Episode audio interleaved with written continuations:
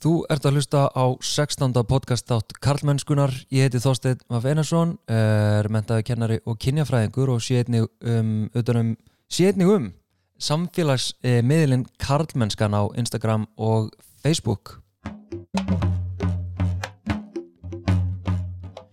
Í dag ætlum við að tala um uh, já, para sambönd og alls konar sem að við kemur samskiptum para og Hulda er uh, með mér. Hæ Hulda. Hæ, Þorstein. Við hjónin ætlum að gera þetta saman en við erum ekki ein eða tvö að því við erum þrjú því að með okkur er Hrefna Rönd Pétursdóttir sem að er einmitt, já, ég var að segja kraftaverka konan í okkar lífi og við ætlum að hérna, já, tala um já, hvað Hrefna er að gera ef við ekki bara kasta bóltanum yfir á Hrefnu í fyrsta leið velkomin og takk fyrir að koma til okkar og vera til í að spjalla uh, Takk fyrir að bjóða mér. ef ekki bara byrja á því aðeins að fá hérna kynningu, bara hver, hver ertu og hvað gerir þú Hrefna? Um, sko, ég útskrifaðist 2012 og byrjaði að vinna með PÖR 2013 Mm. og það pínu bara kom til mín. Það er ekki eitthvað sem ég var búin að ákveða að gera. Um, og, bara, og, og ég er bara ótrúlega þakklátt fyrir að þetta kom svona til mín. En sem sagt ég var að taka þátt í verkefni uh, í hérna uh, á landsbítalanum ADHD og hérna meðferð. Og handlegar minn var sérst að tala um hvar vantar sálfræðinga. Og hann nefndi parameðferð. Ok, að hérna og þá svona fór einhvern veginn þá, þá kviknaði þessi hugmynd og hérna ég og Ólafetta sálfræðingur uh, við fórum svona að skoða þetta saman og hérna og ákveðum bara, heyri þú veist, þetta er eitthvað sem okkur langar að gera. Mm. og, bara, og ég fór að, þú veist, lesa fullt og bara auðvitað. Þú veist, ég meina, þetta er grunnurinn á öllu. Já, þú veist, og hérna sjálfnáttlega í sambandi þú veist, maður horfir á sambönd vinkvenna og bara, ok þú veist, þetta er eitthvað sem ég hef áhuga mm. og, og byrja svo þarna 2013 og síðan það sem ég líka gera er að ég vinn sagt líka með uh, foreldra með ungbönn og hérna og byrjaði á heilbyrðstofn með Suðunesja í því. Ok. Og hérna þannig að það sem að kannski ég ætla að segja að minn áhugi er það eru geðtengsl. Já, já, sem að þú veist mér finnst ég með það er grunninn að öllu. Og Mm. bara ótrúlega glöð og þakklátt fyrir að þú veist vera að starfa við það. Veist og með pörunum mínu sem kenna mig svo mikið. Mm. Já, þú er alveg heldur betur kent okkur ímislegt og ég, hérna, þetta verður kannski, ég veit ekki sko, mér langar að segja vonandi verður þetta ekki að berskjaldnandi og hérna eitt þáttur sem við gerum hérna um mentalót.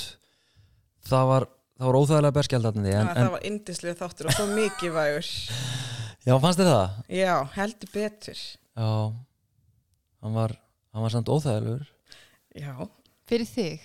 Mér fannst hann ekkert mjög óþægilegur. Ég bara, Er það ekki? nei, Bara óþægilegur Já, ég meina, við erum bara að tala um hluti sem eru liðnir, sem að gerðust og hvernig við einhvern veginn tæklum það og, veist, Já, ég leit bara þannig að við verðum kannski, það myndi kannski hjálpa einhverjum öðrum börum eða já, eitthvað já. þannig, þetta hefði bara gildi. Það var svona það sem ég var ána með. Algjörlega. Og ég meina, og það er náttúrulega tilgangurinn já, svona, það sem ég sá fyrir mér með, með þessu spjalli okkar er, er bæði að, að opna pínu á, á okkar einslu uh, svona hvað við vorum að glíma við og, og hvað við gerðum og eins líka bara hvað er hvað er hvað er til ráða, veist, hvað er hægt að gera til þess að segja, auka gæði samskipta para og, og sambandsins og, og allt þetta um, þannig að vonandi verður þetta bara einhvern veginn, þægilegt spjall nú er ég dott inn í svona þáttastjórnandi gýrin uh, ég ætla að reyna að vera ekki þáttastjórnandi Má ég spyrja einu? Ég spyrja- svolítið forvitin. það er að spyrja mig eða? Nei, nei, ég er ekki að spyrja þig. Ég veit mjög margt um. En mér langar að spyrja hrefnu, hérna, uh, heitir þessi meðferðarform eitthvað? Lærður það Já. af einhverjum, Já. þú veist, ákveðnum að því að Mhm. það er ekki allar parameðferðir eins. Akkurat. Þannig að, þú veist, einmitt, þegar ég hérna fór svona og hérna pæla í, ok, þú veist, nú að vinna með pör, þú veist, ok, hvað hérna, hvað meðferð á ég að nota? Og á Íslandi er náttúrulega, sko, hérna hugran atveldismeðferð mikið notuð og eðlilega fór ég og byrjaði þar Mm. um, og fann með pörunum mínum að það var bara ekki að virka nógu vel Einmitt. Og, hérna, og skoðaði síðan betur bara rannsóknir og veist, þetta, þetta er ekki málið og þannig að þetta kom, fór svona smá rannsóknir vinna stað og bara með hjálp parana minna og bara, þú veist, ég er svo þakklátt fyrir þessi pösi ég byrjaði með Vá. því þeir náttúrulega kendu mér svo þýlitt mikið Mhm. en á sama tíma náttúrulega líka þú veist, það skorti mér ótrúlega margar færðni þú veist, Mhm. en þannig að ég byrjaði og við byrjuðum með hugrana aðtölusmæð og síðan sem sagt komust við og hérna og kynntust Gottmann Mhm. sem að er búin að rannsaka pör í 50 ár og bara algjör snillingur og hérna og síðan út frá því sérst, EFT meðferð sem er Emotional Focus Couples Therapy Mhm. og er sérst mest rannsökuð og sýnir mestan árangur samkvæmt rannsóknum. Vá. Aha. Þannig að þá bara, þá breyttist allt. Þú Veist, þá, bara, þá, þá fann ég bara, ok, þetta er að virka. Þá festu bara verkfærið. Já, og bara, og pöri mín, veist, og það var bara svo indislegt að, að sjá árangun af þessari vinnu og sjá bara hvað pöri mín bara skildu þetta og bara, þú veist, ofti þetta, þú veist, voru í órugum geðtengslum og með þessari, þessu verkfæri, þessari meðferð, að þá, þú veist, náðu þau að komast í örug tengsl. Vá. Einmitt. Það er aldrei okkar einslega Mm -hmm. að fara í gegnum þessa meðferð hjá Mhm. þér að hérna kannski koma aðeins að komum kannski að því aðeins og eftir með hérna svona hvaða já hvaða djöbla dansi var það ekki við vorum í en hérna Demon Dialogue, djöflatal, já. djöbla tal Djöfla ok, Einmitt. Þetta var næstu í rétti mér. Já, já, Djöfla eitthvað. það var djöbla eitthvað. En sem er samt svo lýsandi mm -hmm. ef við hugsaðum, þú veist, einmitt djöflatal og þetta eru þrjú samskipta mynstur eða þrjá lúpur sem við erum að lenda í ok, að hérna, þetta er pínu eins og það komið djöfull og taki yfir ekki satt, þú veist, við missum bara við missum framheilun okkar. Mm og við förum bara að hegða okkur ákveðin hátt sem að, þú veist, okkur langar ekkert. En að því að við erum með að trikki breyn veist, þennan heila sem er bara vírar ákveðin hátt. Og þegar að við upplöfum óryggi veist, þá upplöfum við ógn. Og þú veist, ef að það fjalla frá maka þá er það í rauninni, það sendir heilin skilub og hei, það er hætta. Og þá er þetta einmitt eins og djöfitt takk yfir veist, og við fyrir að hegða okkur ákveðin hátt sem að heilin segir okkur að gera. Já, já. Einmitt. Tilfinningana bara, já. Taka já, yfir. já, tilfinning að taka yfir. Akkurat En hvernig, að því þú ert að vinna eftir, þú veist, nú er ég ekki sálfræðingur, þið er hérna sálfræðingar Mhm. og kannski, einmitt, það var nefnilega stundum þannig, svona fyrstu tímandir, þú veist, þá, þá leið mér eins og þið væri svona búin að, svona, hérna, plotta bak við mig og ég var, ég var hann með einhverja tvo sálfræðinga og, og þið ógstlega mikið sammála og skildu hver aðra og ég eitthvað svona, ó, hvað, þú veist, ég Mhm. bara, ég er segur hérna. Svolítið ósengjart. Þetta var mjög ósangjönd Já. á tíma. mm Er það, er það algengt þegar að, að þið nú ætlum við að tala dálítið mikið út frá kall-kona svona sambandsforminu, er það algengt að bör koma til þín og kallinn er segur og vandamálið? Eða upplifir sér segan. Já, akkurat, nei. Hann er svo enga veginn sigur, En er það upplifun marga? en það er upplifun margra. Þannig að akkurat, þannig að nú ertu að koma inn í það sem er kannski, það sem að pörin eru oftast að finna fyrir Ok, og þá karlmenn. Og þeir finna mjög oft fyrir því að þeir sé ekki að standa sig. já, Að þeir sé að gera eitthvað rámt. Þannig að hérna, það er mjög algengt og, og sko, konur eru dugleirinni að kvarta, láta vita, þú veist, hei, þú veist, við, þú veist, það er þessi fjallæð, tölum um þetta. Mm Uh, Það segja kannski ekki þannig, heldur geta farið í gaggrinni, þú veist, og svona, þú veist, ákveðin tón í röddinni og þannig, sem að stuðar og hann og leiði til þess að að maður gera karlmaðurinn fyrir vörð. mm, Þannig að, þú veist, nei, það, þetta er náttúrulega, þetta er samskipta minnstur og parið er sama, ber ábyrð á þessu samskipta minnstri og saman þarf það að, að, að, að, að leysa það, já, fara að vera meðvituð um hegðun sína, tilfinningar. Þannig að það er kannski svona, fyrsta sem að gera þetta líka með pörunum er svolítið bara að það átti sig á því ok, hvað, hver er vítarhingun okkar? Hvað er að gerast, hvernig líður mér? Og karlmenn þeir eru kannski bara ekki jafn duglegir og fá ekki jafn mikla þjálfun að tala um tilfinningar þannig að þeim vantar oft orð. Og það er eitthvað sem þeir læra þetta í meðferðinni. Já, jú, ég kannast aðeins við það að vanta orðið við tilfinningar og, mm Mhm. og bara geta ekki skilið þú veist, hérna þú veist, einmitt ég vil bara sér til staðar fyrir mig sína með tilfinningarlegan stuðning. Þú veist, bara Mhm. hvað, hvað er það? En kannski líka einmitt ekki, kannski var ástæðan ekki að við erum báðar sálfræðingar, heldur við erum báðar konur sem að höfum talað um tilfinningar og vandamál við vinkonar okkar sem við vorum sjö ára eða eitthvað. Einmitt. Við höfum fengið, fengið það sem að strákar kannski fá sjaldnar. Já, Þú veist, kannski er það ekki máli að við, við erum báðar sálfræðingar. Ég er bara svona pælið því. Við, við vitum að konur, stelpur, fá með, það, er, það er ekki munur á stelpum og strákum. Og þú komast með frábæran hérna postnefli í dag Já. á Instagram sem að akkurat takla það er ekki munur á okkur. Nei, nei. En við vitum hins vegar að munun er sá að einmitt konur eða stelpur þær fá meiri svona þessa tilfinningarlega örfun. Þú veist þetta tilfinningarlega tal. Mhm. og við vitum líka ef að þær fá ekki sérst, þjálfun heima hjá sér að þá fá þær sérst, oft þjálfun nefla eins og Hulda var að segja hjá vinkonu sínum. Ég var aðeins að laga mækinn en þess að það var kjánum þess og ég talaði hérna út úr mæk. Já, nei, einmitt, þessi félagsmótun sko.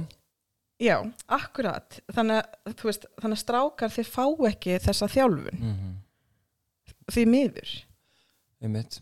Mér, Þetta er bara svo klikkað að spá í þessu af því að ég, veist, ég veit ekki hversu oft ég hef átt samtöl við já, Katkinsins vini mína og, og það tengi allir við það sama.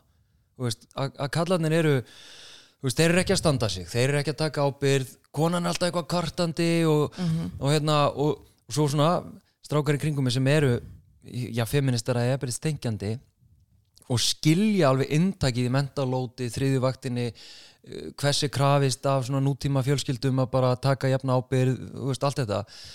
En einhvern veginn sko ná ekki að performera ná ekki að taka þess ábyrð get ekki tekið hana, get ekki sínt stuðningin og allt þetta. Þannig að þetta er bara svo klikkað hvað að því maður það meikar langt með sens já, að alhafa bara að segja já, ég meina svona eru bara kallar og konur, þau eru bara ólík og svona, þetta er bara eðlið og, og svona eru við bara líffræðinni en síðan bara vitum við að þetta það er ekki skýringin. Hérna, heilin okkar er ekki skýringin, keinfæran okkar er ekki skýringin, þetta liggur og það er eiginlega bara fjastæðikent að hérna að það sé í alvörunni að félagsmótunin og uppeldið og umhverfið og samskiptin í gegnum söguna og, og lífið okkar forma okkur inn á þennan veg. En þetta er eitthvað sem að þú sérð bara ítrekað svona sömu minstrin, þessi kynjuðu mynstur af því að sorry hvað ég randa mikið hérna, hérna nei, ég, ég er bara svo saman að því að, Ég ég man. að ég man fyrsta, fyrsta tíman og ég náttúrulega þá held ég bara einhvern veginn að klára reitgerina mína eða eitthvað.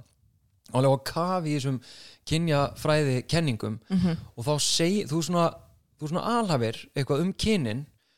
Og ég svona að því ég er svo hérna með ofnami fyrir svona líffræðilegri nauðþykju, svona alhæfingum um kyn út frá líffræðinni. Og þú, ég skildi þið þannig eins og var að tala þannig, ég eitthvað svona eitthvað svona kraumaði í mér, en síðan fórst að segja þú veist, í rauninni út frá þessu félagslega. Aha. og þetta er það sem þú sérð alltaf ítrekkað og kallar eru einhvern veginn og konur eru einhvern veginn öðruvísi. Um, hvert er ég að fara með þessu? Veit ég ekki. Það er svo æstur en, sko- sko, að því að þú veist, þú líka að fara inn á mentalót þú veist, og hérna að því að, þú veist, það sem að ég upplifi með pörunum mínum er það að karlmenn þeir vilja nefnilega standa sér svo ótrúlega vel, þeir vilja svo mikið vera til staðar. Og, og, og en einmitt út af félagsmótun, út af umhverjun okkar, út af uppeldi að þá held ég að það sé náttúrulega málið þeir fatta kannski einmitt ekki þú veist, öll verkefnin. Þeir fatta ekki, bara heyrðu, þú veist hérna, þrýfa uh, hérna sem sagt, tampista hérna Mhm. glasi Einmitt. Mm. þú veist, að þið, að þið, þið lærðu það ekki þú veist, það er bara svona svo vandi svona þessa heilatengingu Mm. og ég meni, ég veit ekki hvað ég verið marg, mörg pör og karlminn hjá mér sem að hérna flutta heima kannski, þú veist, 22-25 ára og mæði þeirra voru ennþá að þvó af þeim þvottin, mm -hmm. ok, Einmitt. þú veist Mm um mitt Nákvæmlega. Það er engin En- reynslaða baki um að hafa gert þessa hluti Nei, en kannski. stelpur, þær fá, þú veist, þessa ábyrð miklu fyrir Mm Mhm.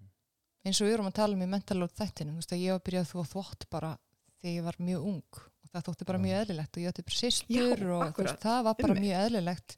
Já. Mamma því maður pottið að þú fókbaltafutin á þér bara framöndir öllu. Eða ég veit það ekki. Ég er enda að læra það mjög snemma að, að sitja í þóttavel og, og eitthvað en hérna en einhver síður var þetta ótrúlega kynjað minnstur síðan í okkar sambandi Mm þar sem að ég einhvern veginn bara eins og þú lístir hann í einhverju þætti að, að hérna, eða lístir ég kannski ekki í þætti var þetta bara Jú, samtal okkar við tölum um þetta í þættinum. að hérna, það var bara svo næs þú veist, þegar þú allt í hennu Já, ég var svo snögg að gera þvottin. Þú varst bara eitthvað, wow. Já, og, og fóst inn í alls konar störf og, og ég bara svona ómeðvitað bara svona, Mhm. hú, þetta er þægilegt og, og svona bara fjarlæði með því Mhm. og svo allt í hennu bara ert þú orðin brjáluð? Já, einmitt. En kannski aðlega eftir einhvern tinnu var því brjáluð. Já, þá náttúrulega, já það er líka eitt sem að, sem að mér finnst svo áhugavert að við náðum að fungera alveg, þú veist, við byrjum saman 2014 og hún fæðist ekki fyrir 2017 Mhm. þú veist, að sambandin náðulega fungera, við vorum ekki í sem rosalegu veggjum þú veist, að lenda á veggjum með mentalóti, jú, jú, við vorum alveg að tuða eitthvað um það og svona, Mhm. en það svo verður bara einhver svona sprenging þegar bann fæðist Mhm. Ég veit ekki alveg hvað er í gangi En, en það er líka svo eðlilegt að því þá náttúrulega komið meiri ábyrð, Já. fleiri verkefni, ekki álag Lí- heldur betur, þú veist bara lítill sem, lítill sem engin tími til þess að sinna sér eða, mm og þá náttúrulega þá fyrst finnum við hvernig geðtengslinn okkar kikka inn, skilur við. nákvæmlega, þá gerist eitthvað Já. svona rosa powerful Já, og ég meina, og það er líka bara þróunalegt. Einmitt. Þú veist, bara við þurfum svo mikið á hvort öðru að halda, bara til að surviva. Já, Og þannig höfum við survivað, skilur við, saman. mm já en hérna, ég er að aðeins að hugsa sko, að því að nú hérna, veit ég svona í kringum með að ég var bara í samtali hvað í dag að gera eitthvað þú veist það sem að það er svona einhver skömm yfir því að leita sér aðstóðar þú veist, út af sambandinu, út af Mhm. parasambandinu Mm -hmm. Einmitt. uh, hvers vegna heldur það að sé að það sé einhver skömm að fá aðstóð við, við samskipti og, og nánd og tengsl Mhm. Akkurat, já, góð spurning. of, of góð kannski Sko, ég veit það ekki alveg, það sem ég kannski svona, það sem ég hugsa er að þetta eru þessi grunntengsl okkar. Þú veist, þetta er bara það sem skiptir okkur svo miklu máli í lífinu og þú veist, að fara í parameðferð, þetta er svo mikil berskjöldin eins og, ég meina, þú talaði bara inn áðan, já, þú veist. Þetta er, við erum að fara inn í svo mikla viðkvæmni Mhm. og við náttúrulega erum að tala um félagsmótin og umhverju okkar. Ég meina, hva, hvað segir umhverju okkar? já, Megum við vera viðkvæm? Einmitt. Hvað heyra börnin okkur? Ennþá í dag, 2021, verður sterk, verður sterk, verður sterkur, ekki grenja, ekki Mhm. grenja, já, ekki væla. Þú veist- ekki vera með þetta vesen Nei, þannig að veist, þetta er svo, þetta er svo mikið, þú veist, þetta, þetta para með fyrir tekur náttúrulega bara rosalega á og par verður bara oft mjög hrætt, Mm. bara hrætt við að fara, þú veist, þarna og, hva, og hvert leiðir það okkur. Og, já, og oft svona heyri ég það alveg að, að pörur hrættum að ég sé eitthvað svona dómari Þú veist, Einmitt. Já, ég, er fara, já, Vá. ég er að fara að dæma skilu, heyrði, þið með vera Mhm. saman eða ekki Mm. Vá. en geta þú veist, kannski mátt ekki segja það, ég veit það ekki. En þú veist, farið veginn að pör og þú bara jæja, herðu, viljið þið ekki bara hætta saman? Mm Um, nei, vegna þess að þetta er alltaf sama í grunninn. Þú veist, pörin er að upplifa óryggi með hvort öðru. Mm. þau kunna ekki að tala um þessar viðkvæmi tilfinningar. Þau kunna ekki að tjá sig.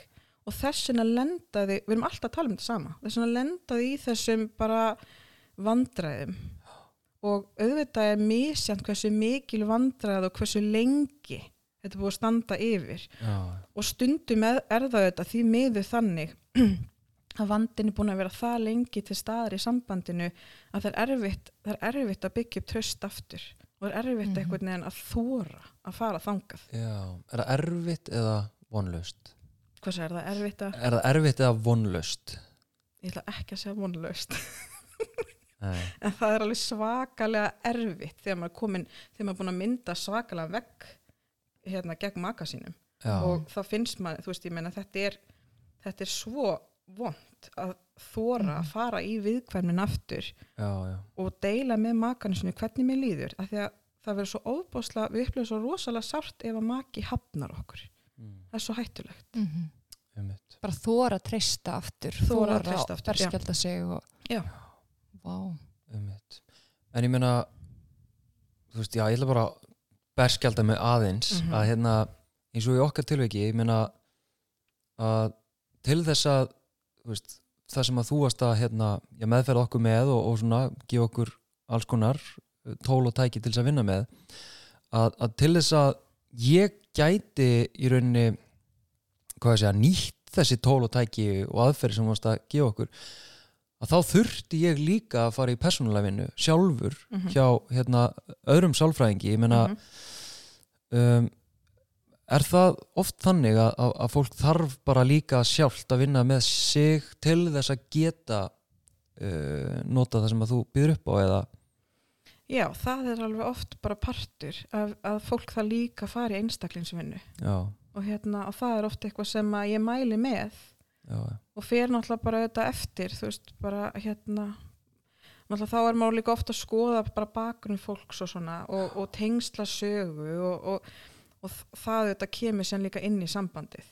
Já, og þá mælum við hérna vanalega með einstaklingstímum líka. Og þá Já. náttúrulega líka erum við að tala um þetta svona að þekka tilfinningarna sínar og læra að fara inn í þessa viðkvæmni, í þessa viðkvæmi tilfinningar. Af því að þú veist, þið kannski vita bara sjálf hvað við eigum miklu auðveldara með að fara inn í reyði og pyrring. já, já. Mhm. Þetta eru tilfinningar sem gefa okkur kraft og við erum að berjast fyrir einhverju, Mm þú veist, og það er miklu meira svona acceptand að, við förum Mhm. inn í, þú veist, reyði eða pyrring Mhm. en með því að fara inn í þú veist, ég upplifi bara kvíða þú veist, ég upplifi höfnun Mhm. þú veist, ég er einmana þetta er rosa viðkvæma tilfinningar og deila þessu með maka Mhm. og ef hann bregst ekki vel við já, þá, þú veist, það er mjög sárt einmitt og ég man alveg eftir sko, einmitt bara, í- náttúrulega ég og Hulda hérna, höfum átt alls konar samskipti og og svona átta okkur sirka á hérna, hva, hvar við getum bætt okkur í okkar samskiptum og nánd og allt þetta og svo fyrir við til þín og svona og, og ég man að ég var svo vanmáttugur mm veist, ég skildi þetta alveg Mhm. en hvernig átti ég að gera þetta það var það sem ég var að glíma á ég held að dóldi margir kallar ekki af því að þeir eru líffræðilega frábyrjum konum en, en að kallar sko kannski glími líka dóldi við þetta eins og þú sagði ráðan, þeir vilja vanda sig þeir vilja vera til Mhm. staðar þeir vilja sína nánd og samkend og Mhm. vera til staðar Mhm. en bara einmitt, hafa ekkert til þess að einhvern veginn svona stíga á einhver, já, þegar ekki fengið þjálfun. Hafa ekki fengið þjálfununa Nei, þú veist, og, og þetta ekki og upplifa hjálpalesi Algjört. þú manst eftir því ekki ég satt? man eftir því, jú, og, og hversu vond er það? Ég meina, algjört. Það er bara, akkurat. Það er umulagt En það er bara umulegt. Man langar að vera til stað og maður bara er, ég skil þetta ekki, mm hvað á ég að gera þetta? En svo náttúrulega ertu búin að læra það. og er að læra það ennþá, Já, er að vinna í þessu. Að hérna og líka, þú veist, nú erum við bara eitthvað að tala saman hérna og þú kemur bara inn í Nei, þetta. ég, ég er bara ég er bara dottin inn í þetta. Já, já, að hérna líka það sem að ég er bara nýbúin að læra er að einmitt, að, að það sé í lægi að vera sko berskjaldadur og einhvern veginn lítill í sér og, og hérna og einhvern veginn og bara og hversu mikilvægt það er að vera þar og leifa makanum mm að sko vera til staðar -hmm. þú veist, á, á báða vegu þú veist, bæði ég að, að, að leifa huldu til dæmis Mhm. að vera til staðar fyrir mig og, og leifa mér að vera bara, þú veist, ég er bara sár og leiður og ég er eitthvað þú veist, vonlaus og allt þetta Mhm. en ekki að fara strax, já, já, já, þetta æ, þetta er nú meira helvit svíplið þarna eða, já, já, þetta þetta er Mhm. þetta, eða eitthvað svona Mhm. En þá líka langar mér svo að spyrja þig, veist, hvernig er það fyrir þig að leifa þér að fara þangað og, veist, segja huldu hvað er að gerast innra með þér? Já, sko, góð spurning Hérna, það er og ég held að ég hafi talað um það að nýjasta dæmi er er þegar að, hérna, já, það var svona ákveðin fjölmjöla umfjöllun sem að mér fannst dálítið sár Mm uh, uh, já, að, að þá átti ég hérna dálítið vond kvöld og, og svona fyrst var ég bara svona í sjokki og síðan var ég bara eitthvað svona ég bara eiginlega trúði ekki að ég var að horfa á þetta og svo bara svona var ég bara ógeðslega sár og ég fann hvernig sko það kraumaði svona í reyðinni og svona ég vildi bregðast við þessu en ég gerði það ekki og bara talaði mitt við huldu um þetta bara, þú veist, já, ég bara ógslaða leiður og þú veist, ég man ekki nákvæmlega hvernig það var. Og leiði mig bara að vera þar dálítið þetta kvöld og þetta var í fyrsta skipti sem að ég leiði mig bara að dvelja í þessum óþægindum og það var ógeðslega erfitt. Það var ógeðslega vond og óþægilegt að vera bara þarna og ég gerði ekkert með það. Leifar að finna fyrir tilfinningunum og, og vinna úr tilfinningum á heilbreiðan hátt ekki flýja þær að reyna einhvern veginn að berjast gegn þeim eða bara, herru, græjum þetta bara. Þú veist, það bara, herru, mér líður ömulega mér leiður í dapur, mér líður svona ok. Við þurfum ekki að taka það í burtu við getum tala saman og lifti að bara líða. Einmitt. En síðan náttúrulega býja við þau fárunlega forréttindi að Hulda er náttúrulega ótrúlega sko elskuleg og blíð og góð Mhm, og, hérna, og kann að vera til staðar og allt Mhm. þetta þannig að það er kannski ekki alltaf þannig í, í samböndum að veist, annar makin er einhvern veginn bara með þetta. Mhm. þú veist, að hérna kannski pínu ósangjant fyrir þig. fyrir mig, nei ég meina það er erfæra fyrir mig að fá ekki vera með það er glata að hafa mikið að gefa og þú bara, nei ég er bara í góðum feeling og ég sé bara að þið líður ekki vel þá er ég svona bara, já ég skan heyrðu, skemmtuðu vel, Mhm. þá verður engin tenging á Af því milli að, okkar einmitt, af því að síðan, Mm. einmitt, þú veist, hvernig líður þér með það? Þú veist, að núna er hann að gera þetta og hann er að staldra við og hann er að segja þig hvað er að gerast. Af því það er náttúrulega, ef að þú var, hefði verið einn með þetta steini, þá er Mm. líklegt að þú myndir fjarlæði huldu, já, ekki satt? jú, Og þú færir inn í þig og þú algjörlega, væri frá henni. Og algjörlega. hvað gerist þá hjá henni? Þá, þá fyrir heilin hennar bara, "Ú, danger, þú veist, það er bara alarm. Mm. Bara, oh, oh, það er eitthvað skrítið í tengslunum okkar, hvað er að gerast? Já, einmitt, mm akkur er hann ekki með mér? Já, akkur er hann fara frá mér? Aha. En þetta er bara, þú veist, afsaki, væm norðin, bara tengsla moment, einmitt. Sem er bara geggjað. já, Þú Veist, þetta, þetta, er bara, þetta er það sem að við erum bara, við, þú veist, við erum bara á líffræðan hátt víruð til þess að, þú veist, við erum bara, við erum spendir, við erum bara með þessa hæfni að við eigum að tengja svona og vera til staðar og vitum samkvæmt rannsóknum að bara þetta að nefna hvernig mér líður, mm. þú veist, hérna, þú veist, bara núna er ég bara, hvað sagði ég á hann? Sár og leiður. Já, sár og leiður, bara það að nefna tilfinningarnar, setja nafna þær, það róar, bara þetta róar taugakerfi okkar.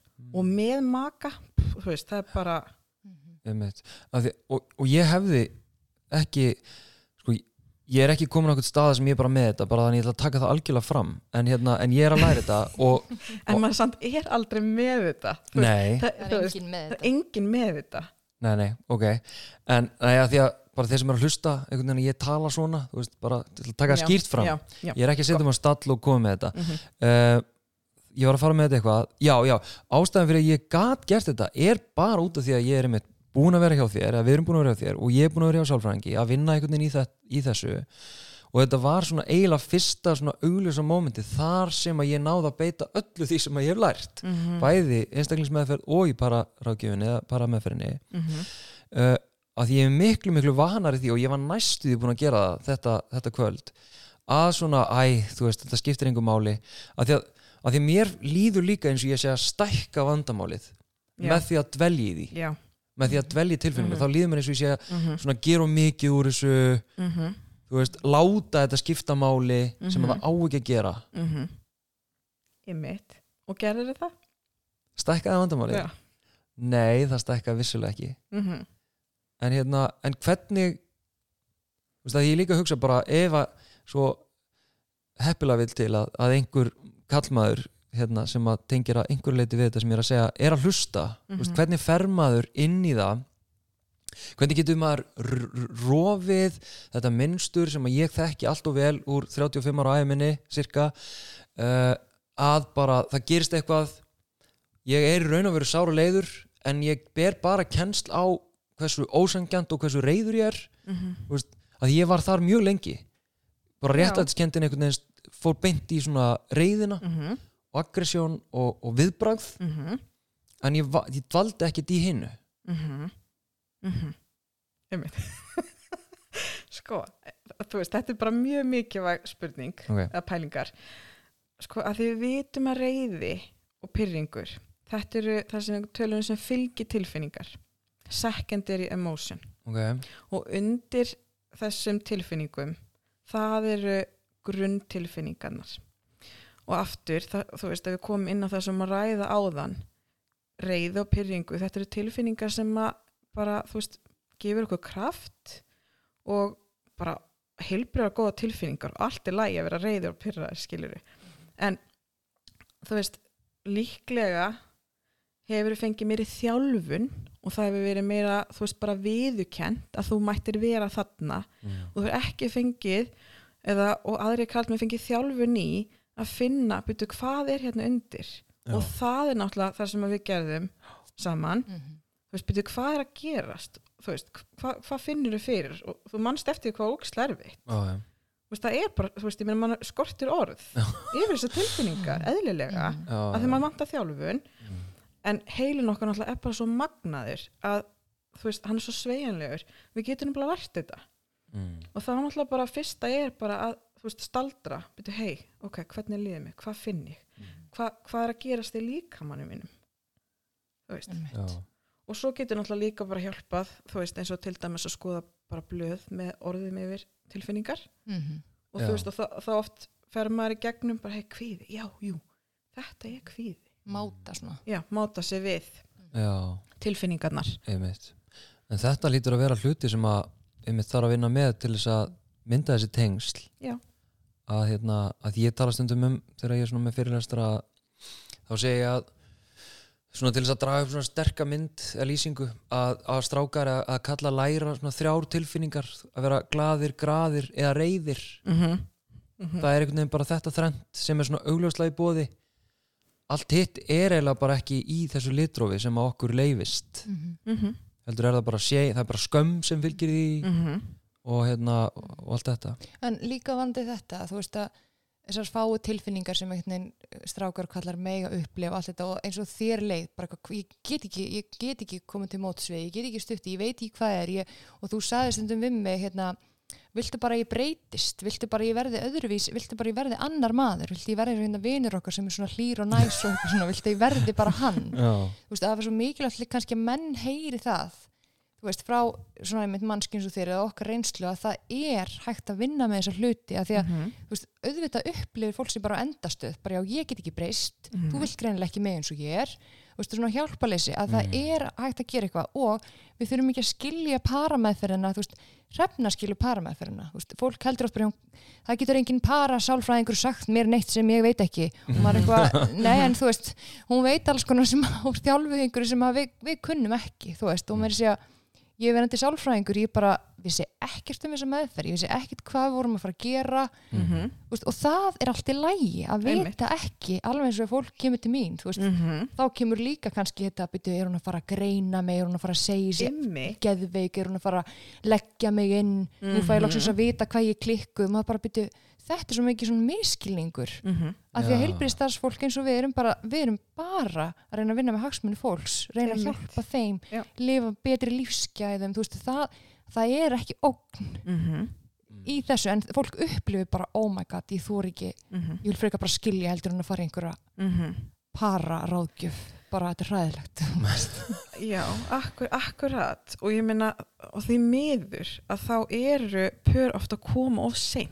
nákvæmlega, búin að býða og er býða búin með að býða og býða þannig að vandin er orðin svo stór og svo mikill, þú veist, vantrösti er orðið svo mikið, þú veist, þá er svo erfitt að ná þessu vekkarna niður sem er komin á milli passins, það Já. þú veist, og, og það er bara, þú veist, mér minnir að það er bandarísk rannsóð sem syndi að pörur að leita meðatali eftir, þú veist, búin að vandi í sambandin í sex ár. Vá. Já, það er að leita sér ástæða Já, og það er langu tími. Þú veist, við viljum auðvitað alltaf vinna í forvörnum. Og þú veist, ég meina, ég vissi ekkert hvernig ég átti eitthvað að tala við mannir minn skilur, ég meina, Mm. ég er náttúrulega búin að læra þvílíkt mikið Já, og að, þú veist, að vinna með pörum og bara búin að læra með pörunum mínum. Mhm. og þrátt fyrir allt sem að ég hann veit og allt sem að, þú veist, í alla daga er ég að vinna við þetta, já, ég samt sem áður fyrir líka í ströggla í samskiptu við manni minn. Já, og það er bara eðlilt að því heilin okkar er bara vírar á hvern hátt. Einmitt. Og við bara, þú veist missum smá bara tengingu hann eins og við sagðum með framheilan Já. okkar Þannig að þú ert mennsk líka.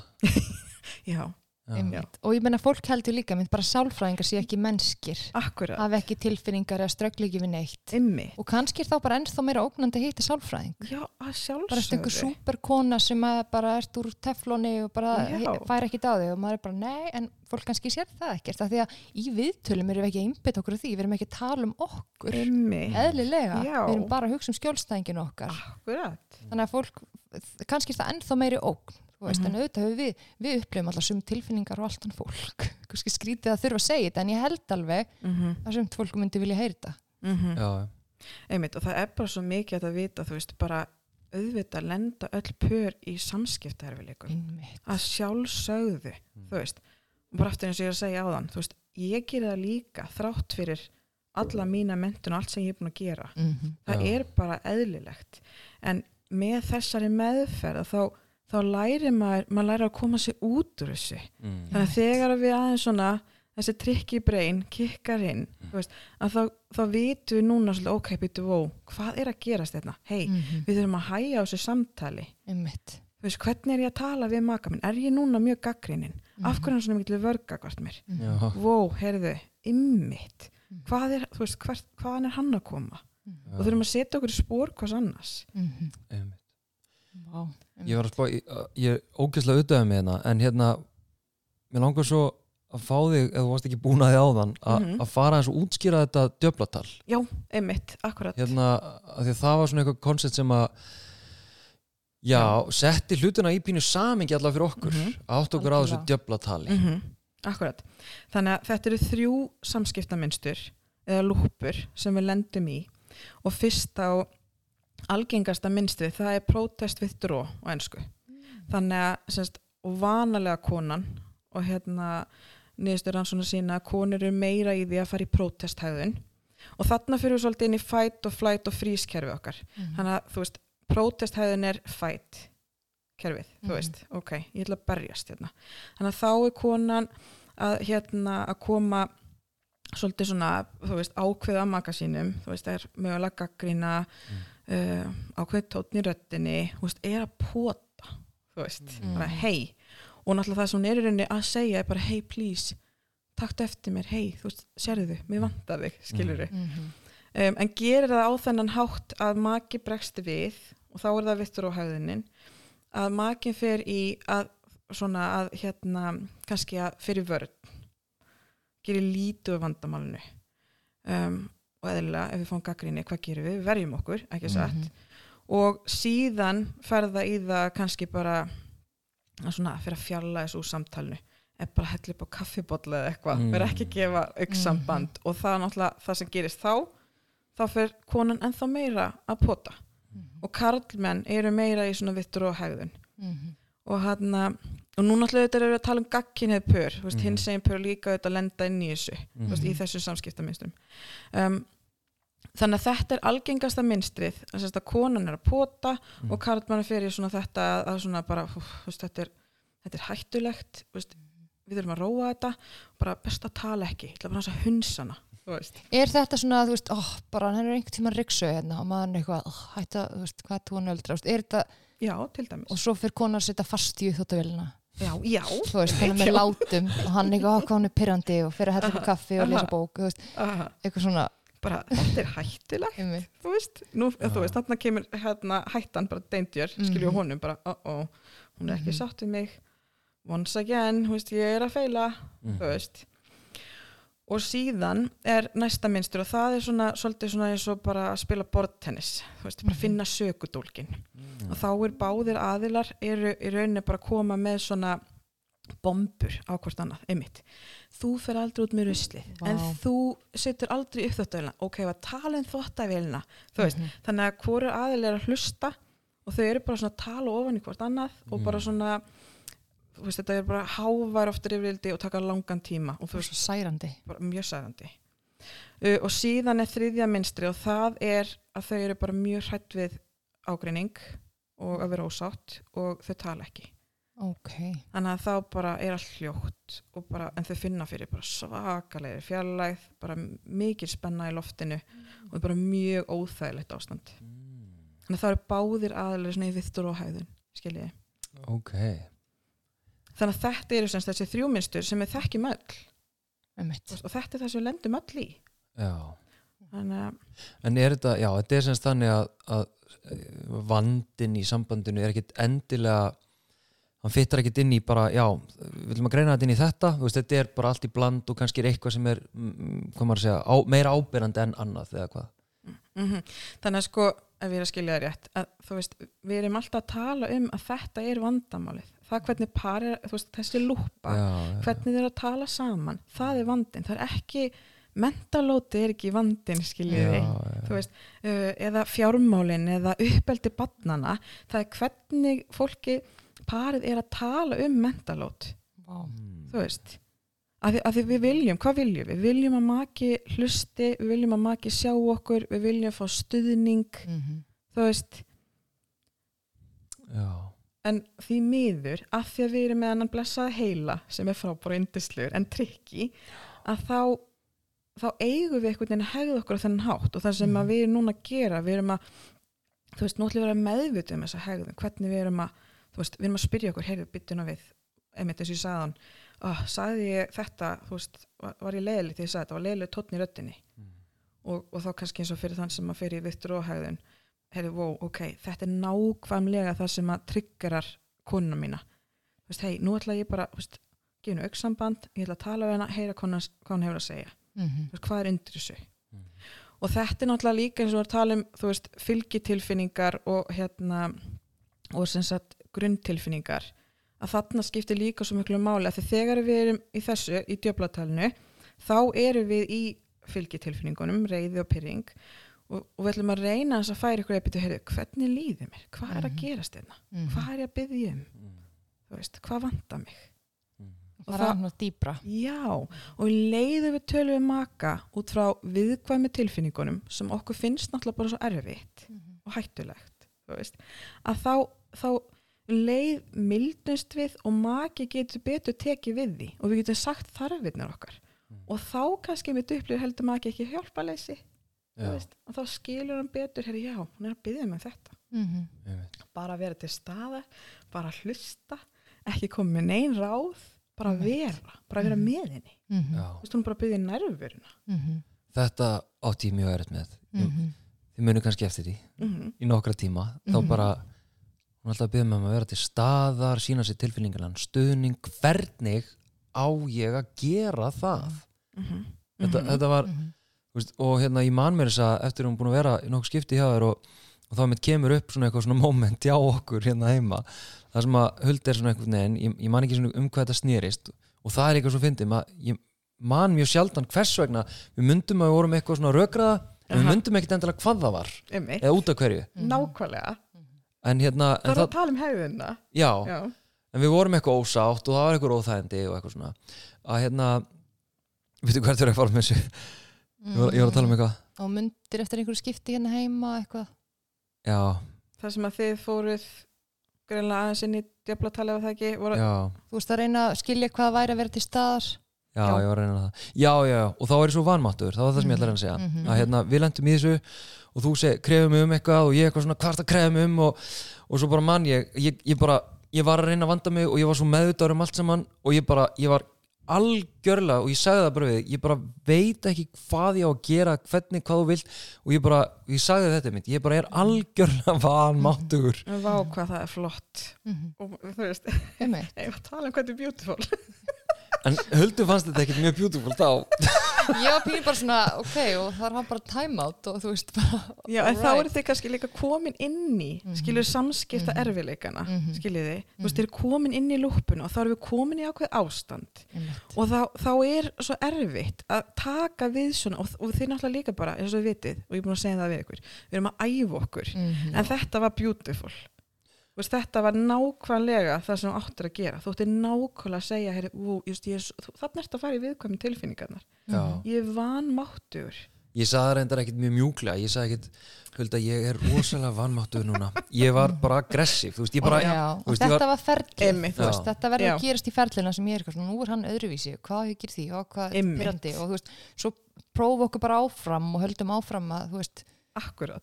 vinna með verkfærin og þú veist, svo næsta er þetta, er þetta öðruvísi og eitthvað svoleiðis. Já, mér langar aðeins að fara inn í hérna triggerana sem að Mhm, hérna, mhm. mér finnst líka svo áhugavert og mm ég er svona átt samskiptið við vini mín og eitthvað svona reynda eitthvað, reynda að miðla þessu. Já, miðla reynslunni minni að þessu, en hérna eins og til dæmis, og ég ætla bara að kannski ganga út frá svona einu dæmi hjá okkur huldu. Sorry Hulda, ég er alltaf að berskjálta þig hérna líka með mér. Já, já, það er alltaf að það var til dæmis uh, að því að þetta- triggerarnir sem sagt, hvernig ég triggera fjarlæðina hjá Huldu eða sem sagt, hvern- Mhm. hvernig hún fer í svona eitthvað þetta dót sem hún varst að segja á hann mm að hérna að þá eitt morgunin þá vakna ég og, og eins og ég ger oft kíkja á Instagram hvaða sprengju er ég búin að fá í inboxið eða eitthvað.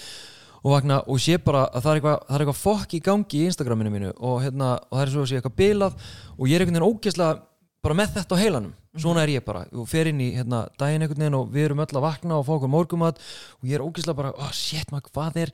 Og ég er rosa mikið í símanum. Og ég er bara með síman og er eitthvað svona fykt í símanum og, og er ekkert að veita tinnu dóttur okkar aðtegli og, og, og tinna er eitthvað svona dóttur okkar en að fá samband við mig eða eitthvað. Og, svo einhvern veginn svona skinja ég að huldi er orðin eitthvað svona fjarlæg og pyrruð og, ég er svona, hvað það, getur hún ekki sínt með skilning og hvað, Instagram er eitthvað fokki ég er hérna, inn í heilanum mínum og við eigum engin samskipti og, og ég skinja samt að hún er orðin eitthvað pyrruð, hún er eitthvað fjarlæg og köld og, og, ég er svona ég er svona með grunar að kannski er það því ég dóldi mikið í símanum en ég segi ekki neitt og er eitthvað svona veist, og svo föttu við ég man ekki hvort við höfum fattað að jú við föttu það síðan veist, ég skuttla hann á leikskólan kom heim aftur og svona þú veist, ég mitt fetið þín og eitthvað, æ, sorry hvað ég er eitthvað, Mhm, eitthvað. Mhm, og þannig bara dóldi var pyrringurum búinn Mhm. og við varum aftur tengt mhm. um, það var þetta, var- þetta var léleg brú inn í spurninguna en hérna, þetta var bara dæmi úr okkar persónulega lífi um trigger. Já, Ertu til í að útskýra þetta fyrirbæri, já, akkurat. Triggerar. Já, þannig að sko kannski hulda að vera gott líka að útskýri hvað það var Mhm. sem að triggera þig. Einmitt, bara nákvæmlega ok, mm, ég er að hugsa hvernig ég að lýsa já, bara ég menna við erum að borða hérna, dóttir okkar er eitthvað svona Mhm. lengi að borða hafragrautin og ég er eitthvað svona á klukkunni hún má ekki Mhm. vera sein, hún má ekki missa af hérna söngstund, bla bla bla og ég er eitthvað með það svolítið á herðanum ég far, fer bara í vinnuna og steinir eitthvað límdu við síman þá er ég svona, þú veist, ó, hann er að dömpa öll á mig, Akkurat. lótið er á mér er hann er ekki til staða fyrir mig, já, ég er Ah. hann er að beila á mig Mhm. djúvill er hann ömurlegur að, skilur, þú veist, bara, Mhm. að það kemur alveg bara svona, þetta er ömurlegt en svo segi Mhm. ég samt ekki neitt að því að ég bara að reyna að líka hjálpa henni með háragröðin og, Mhm. Mhm. já, Akkurat, að- þannig að þú veist einmitt þannig að þetta er það sem er trigger þú veist Mhm. að, að því triggerar, við getum sagt að það sé svona eins og aumu blettur, þú veist eins og marblett og við vitið þegar við ítum á marblett þá verður það ennþá verra, þú veist það Mhm. verður ennþá hérna blárri og, og þú veist það er svo ótrúlega Mhm. vond og það er þá svona augnablík sem hafa gerst ítrekka í sambandin okkar mm og þetta verður trigger þannig að þetta atvik þarna sem hún er að Mhm. lýsa þetta er ekki bara þetta atvik. Einmitt, á sér þú, sögu. já, þú ert komin bara á annan stað í öll hinn atvikin þar sem þú upplifað. Mm að þú sért einhvern veginn að standa í hlutunum ein. -hmm. og það er reikla vondu stað til þess að vera á ekki satt? Þannig að þetta eru triggerar og svo er mjög algengt að hjá karlmönnum að það sem að triggera þá er ég er ekki að standa mig. Mm. það er mjög Mhm. algengt Mm hvernig virkar sá, að því að, að, því að hérna, allavega í okkar sambandi þá Mhm. virðist sko, þetta sem að hleypir þessu djöflatali af stað og, og tryggra systeminu okkar mm -hmm. það er eitthvað sem ég geri Þú veist, það Mhm. er oftast í okkar sambandi þannig að ég mitt hérna skeita á mig með þvottin þú veist, dömpaði alltaf miklu á hana að því við erum með svona viku og viku sístum í þvottinum uh, ég mitt er fjarlægur í, í, hérna, í símanum veist, og það kemur þessu ferðla stað mm -hmm. augljóslega er ég þá ekki að standa mig þannig að hvernig getur þetta verið sko öfugt, mm Mhm. fattur við Mhm. En þú stendur samt líka mörgu leit ekki satt þú veist að margt sem hún gerir líka er það ekki? já, ég ætla að vona það Já, einmitt af því að sko, af því þarna komið aftur inn í sko samskiptaminstri þannig að Mm. hvernig er þá þú veist, hvernig er maki að tjá tjá þessar þarfir mm. er það gaggrinni af því að þú veist, ef maður heyrir endur tekið gaggrinni þá náttúrulega það verður á rosalega sárt vá, ég bara, ég er algjör feiljur hérna, ég er ekki að standa mig já, veist. já, Þann, þannig að þarna er aftur komin í það þú veist, hvernig eru kannski mitt konur að tjá þarfirna sínar mm. einmitt og kannski, já þetta er svolítið áhugavert að því að tala um að það skiptir ekki máli, mentalóti er ekki veist, -hmm. það eru samskiptin -hmm. Þú veist, það er svo gott dæmi þarna bara því að tala um þvottin og eitthvað svona að til dæmis veist, var kannski vandamálið ekkert þú veist, þvotturinn eða að þú myndir þú veist, gleyma að brjóta saman það sem þú hengtir upp þegar komið inn í mína viku þú veist það var kannski ekkert per se vandamáli heldur kannski að þú sagðir ekki neitt Mm. eitthvað svona, ef þú myndir segja bara oh, sorry maður, ég hérna eiginlega klúraði tóltið þvottinum, -hmm. þannig að það er fullt af þvottinir og ég er ekki búin að ná að brjóta hann saman þú veist, við getum gert það saman eða veist, nær þú að gera þetta, ég get Mhm. einhvern veginn þetta þér næst, veist, bara þetta bara, æ, sorry ég Mhm. ætla ekki að dömpi svo þau Mhm. þá er ég bara, já, ég skal glöð brjóta saman þvott í allt kvöld, ekkert mál þá er mér bara skýt saman að brjóta saman þvottin og þá er ég ekki pyrru að brjóta saman að þá ertu með mig, búin að tengjast inn í heyrðu, sorry, ég vil gera þetta með þér. Ég ætla ekki að valda það vombriðum, ég ætla ekki að, þú veist, svíkja. -hmm. já. þá, þá skiptir það þeim engu máli.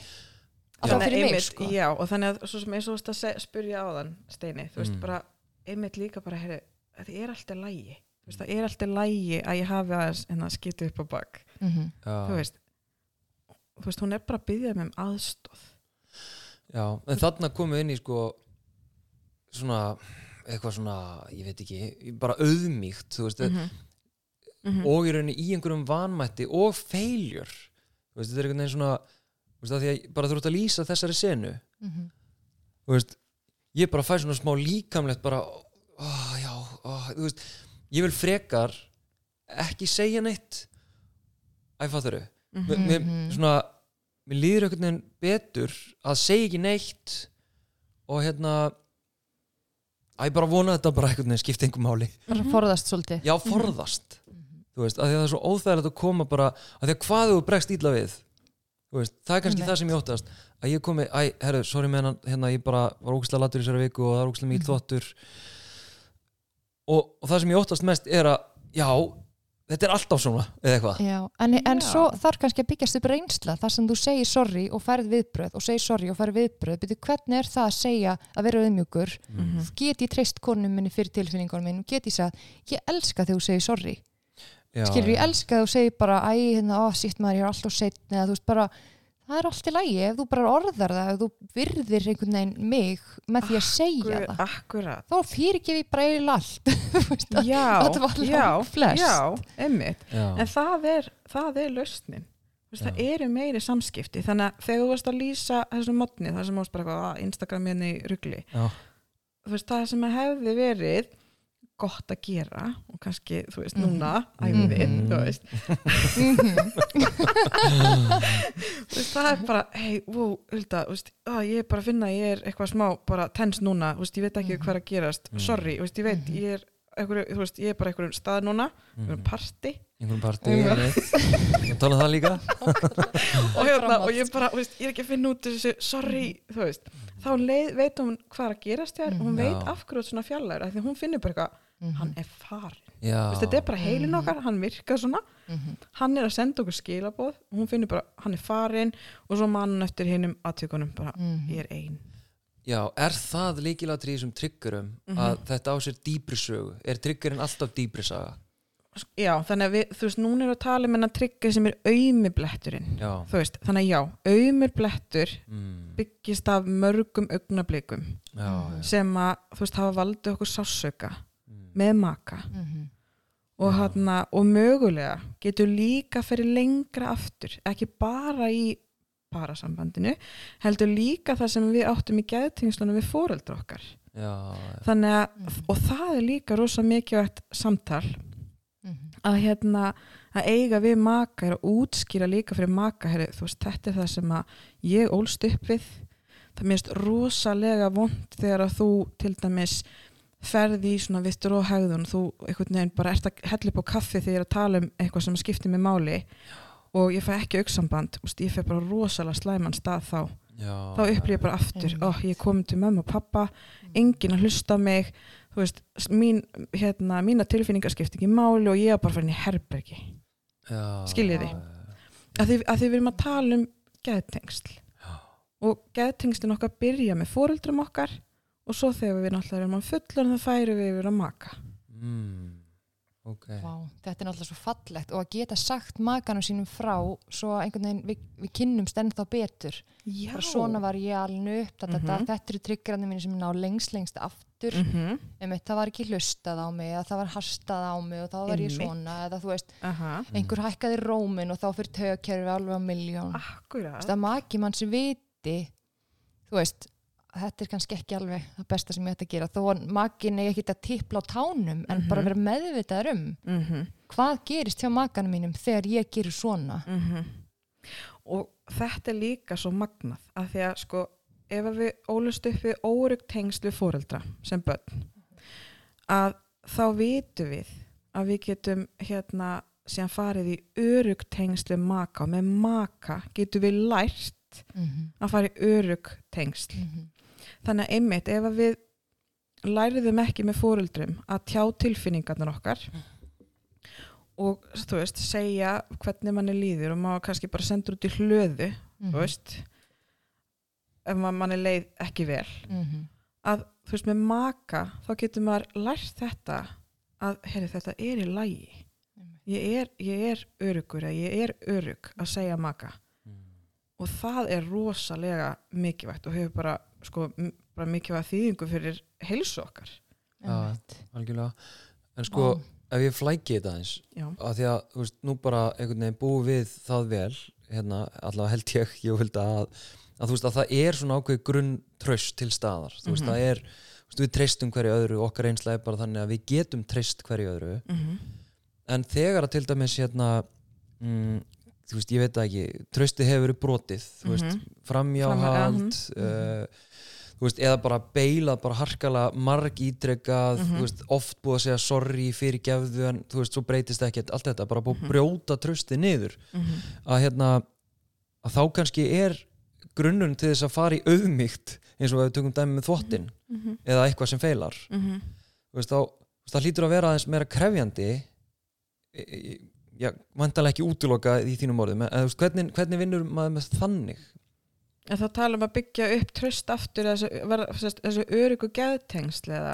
Já, já, í rauninni þannig að að því að, þú veist, ég get farið til huld og ég get sagt, hérna, hei, æ, sorry veist, ég get farið í auðmyndina ég get sagt, sorry hennar Mhm. þótt hérna, ég skeit á mig. Og ég veit það að hún mun ekki já, helvítis, veist, þetta er allt þú veist, ég mun ekki, þú veist, ég kunni veit það. Ég mun aldrei fyrirgefa þér. Já, eða hvað Mhm. þó, þó að það sé það í rauninni sem ég óttast þráttur ekki til minn reynslu sko, styði það. En kannski er þetta reynsla fólks. Hvernig nálgustu það? þá bara aftur þú veist, þá erum við aftur, að auðvitað er það náttúrulega bara á, ákveðin svona áfalla úrvinnsla sem maður þarf að fara í með parinu. Já, en það er vanalega alltaf ástæða til dæmis fyrir framhjáldi sem maður skoðar um, þarna aftur skiptir oft miklu mári hver geðtengslu fóreldra voru. Mm. uh, og hérna og það er eitthvað sem að maður fer náttúrulega, maður fer í þessa vinnu með parinu þannig að skilji betur af hverju opnast þessi gluggi fyrir til dæmis nýja naðil að koma inn. Um, og jú, það er mjög mikilvægt einmitt að við komum til að geta sagt bara hei, sorry, þvotturinn veist, bara, það var brjála að gera. Þannig að pari læri þú veist, núna einmitt veist, bara, við ætlum að halda áfram, þetta er það sem gerðist. Um, það þýr alls ekki endalókin fyrir sambönd. Það meira segja hérna kannski skrítið að ég segi það en það meira sér stundum er bara mjög jákvætt Mhm. vegna þess að pari vissi ekki hvað var að gerast hjá þeim, þau vissi ekki af vandanum en eftir framhjáld þá oft er það bara, heyrðu, nú þurfum við að setjast niður og tala saman, hvað er í gangi? Einmitt. þannig oft nefnilega leiðir þetta til að þau verða bara miklu sterkari, þau þekkja betur hvað þau þurfa. Heyrið þið mæla með framhjáhaldi? Sálfræðingur mælir mig fram í haldi En, nei sko, ok, ég veit þú ert ekki að mæla með framhjáhaldi En hérna, en þú finnst það áhört Þú sagðir hérna, það er alltaf ástæða fyrir framhjáhaldi Já. Hvað áttu við? Mhm. Það er einhver ástæða hérna, það er, það er eitthvað í geðtengslum passins sem leiðir til þess að viðkomandi leitar út fyrir sambandið. Vanalega, við erum ekki að tala um til dæmis ef einstaklingur er siðblindur, þú veist, Mhm, það er annað. Ok, mhm, um, en það er ástæða fyrir þessi gluggi opnast og hérna og þá er það, þú veist, að þau eru ekki að leita til hvers annars. Þau eru kannski bæði að voident tengslamynstri að hérna kunna ekki einhvern veginn bara að leita til hvers annars og tjá tilfinninga vera til staðar veist, og þess vegna leitar viðkomandi annað, af því við erum við erum háð þessum gæðtengslum og ef við myndum ekki þessu tengsl við maka okkar, hvað gerum við þá? Við förum út fyrir sambandi og myndum þessi tengsl við eitthvað annan. Við reynum það. mhm. Einmitt. ok En er þetta aldrei, hérna Þú veist, þú kannski getur ekki eitthvað alhægt og fullirt um framhjáhald En hérna, Mhm. þú veist, þú talar um að þetta sé sko geðtengslin, Mhm. tengslin í sambandinu og allt þetta En er þetta aldrei, er framhjáhald aldrei Jú, þú sagði reynda með siðblindu En Mhm. leið út, þú veist, bara Sambandið er einhvern veginn ömulegt Mhm. fólk bara er þarna kannski að því að á börn búið að vera saman í 20 ár Mhm. og hérna og þetta er bara svona já já, ég bara svona fokka ég þessu upp alminlega þú veist, er þetta leið út einhvern Mhm. tímann eða, eða þú kannski fær þau pör ekki til þína að Nei, sko það sem ég allavega hugsa er, sko, ég allavega að minni reynslu mm, þá hef ég ekki hitt einstakling sem að er meðvitar um að hann heldur fram með til þess að komast út úr sambandinu. nei, nei, En þú veist, vissulega náttúrulega getur, aftur, getur það gerst út af því að þú veist, viðkomandi líður ekki vel í sambandinu og þetta er ákveð leið út vegna þess að myndar geðteist við einhvern annan og þá fer frá maka yfir í mm, næsta samband, Mhm. skilju, Já. næsta, þú veist, þannig er öryggið. Mm. ok Áhugavert, en líka kannski svona, já, þó það sé ekkert eins, þú veist, ég meina þegar þú varst þannig að þú gast kannski ekki verið svona tilfinningarlega til stað fyrir mig, mm þá var mitt go-to bara að ringi sýstu mína, ringi mömmu mína, þar á ég örug tengsl, þú veist, það er mitt sors, Já, bara ég- með svona einhver, einhver svona, eitthvað, eitthvað kom fyrir, eða eitthvað svona, bara já, Mhm. hérna veit ég 100% að ég get fengið stuðningin sem ég þarf, Emmett. þú veist, einhver veit, kann að vera til stað fyrir mig, Já. Og bara sæki það, retta mér, Mm kom svo aftur heim. Já, og þetta, og þetta er eitthvað sem við tölum oft um í parameðfenni Mm -hmm. og það sem ég vil er þetta pörum í fari og Mhm. byrji á því að tala við maka og, og ég meni ég hef oft lendið því að maki er mjög sár af því að það var eitthvað sem að kom upp á eða eitthvað, eitthvað sem bara gleði fréttir Einmitt. og mamma, tengdamamma Já. hún fekk bara heyra það undan mér Einmitt. bara, þú veist, Mhm. já, vá hvað ég er sár Mhm. þú veist, Vá. þannig að hérna en svo eðlilegt samt að Mhm. maður fari mitt og tali við mömmu eða systur af því þar er maður örugur þannig að þetta, þú veist, þarna aftur maður þarf parið saman, það er Mhm. eiga þessum samræðum þannig að þurfum að skapa þennan grundull að þau geti fara að leita til hvers annars. Þú veist, það er svo mikilvægt fyrir maka að vita hei, ok, þetta er ástæða fyrir ekkur kona mín er að tala við tengdamömmu Mhm. og mákonu Nákvæmlega þú veist, að, þú veist, það er eitthvað hann vantar hérna frá mér þar sem að Mhm. þú veist, ég þarf að, þú veist, gefa mig eitthvað aðeins betur inn í þessa samræður Mhm. mm, ég, ég man sko þú veist, þetta eru kannski, ég veit það ekki einhver, eitthvað, einhver ár síðan eða eitthvað að ég hugsaði og ég held að ég meiri að hafi sagt það Mhm. að hérna veist, er það ekki bara fínt? Já, er það ekki bara lægi? Er það ekki bara lægi að þú hérna, fáið sumt hjá mér og, og eitthvað annað annar staðar? Mhm.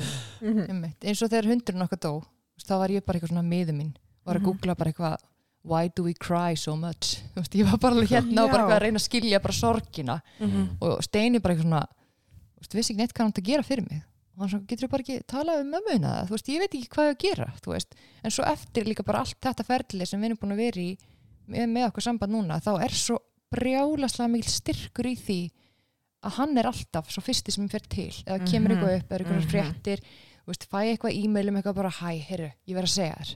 Og það er svo geggjað að finna það, gegg- við erum bara algjört tím veist, það, það, það, þetta er það, það, er bara það besta og þegar við, við fettina og þegar við finnum það í öllu Mhm. líkun alla frumur er farin að svara.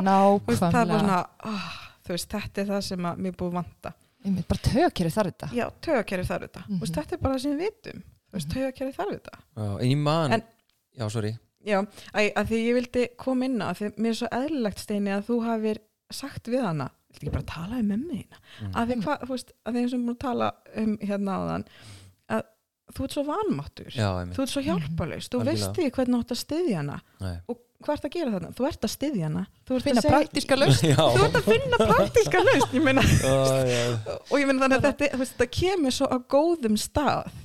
Já, en líka svona, einmitt af fullkomnum vanmætti mm -hmm. Og einmitt leysa vandamálið en, en líka náttúrulega sama tíma fyrra mig svona ákveðin ábyrð að þurfa að takast á við mögulega eitthvað hjá mér þú veist, Mhm. og líka fyrir okkar samband Mhm. og hérna og, og það er kannski Mhm. vondu fréttina fyrir einhverja sem að tengja við mína sögu eða það sem við erum að tala um hérna að það er alveg búið að vera smá vinna sko, að einhvern veginn komast á þann stað að Mhm. þú upplifir mig til staðar algjörlega og það, það er svolítið svona einmitt vinnan sem þú hefur þurft að leggja á þig. Já, og þarna sáum við líka bara, eh, mér finnst ég bara að séða skýrt að þú veist, einmitt, að það var umulegt þannig að bara umulegu dagur um mistum hundin okkar.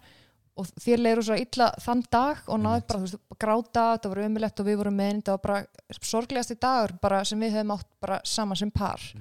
Og daginn eftir bara, jæja, göngum frá hundadótinu og förum út í hérna, Elladal í göngtúr, þú veist, það bara, nú lókum við nú er þetta búið, þú veist, eins og það sáðan ég vil ekki vera að gera svo mikið vandamál úr Já. þessu, ég vil ekki gera þetta meira, bara kunnir að loka, það var þitt coping skills og þannig ég er bara eitthvað "Ó, hve- hve- hvernig á ég að fara í Elladalinn þú veist, að þetta er bara þitt coping skill set, þú veist, bara svona vinn ég Mhm. ég held bara áfram ég er ekki að fara inn í óþægindin mín viðkvæmna mína, það er ég er en gæslega bara hættlegt fyrir mig Einmitt. Það er hæ- Akkurat, danger það zone. hættulegt, já.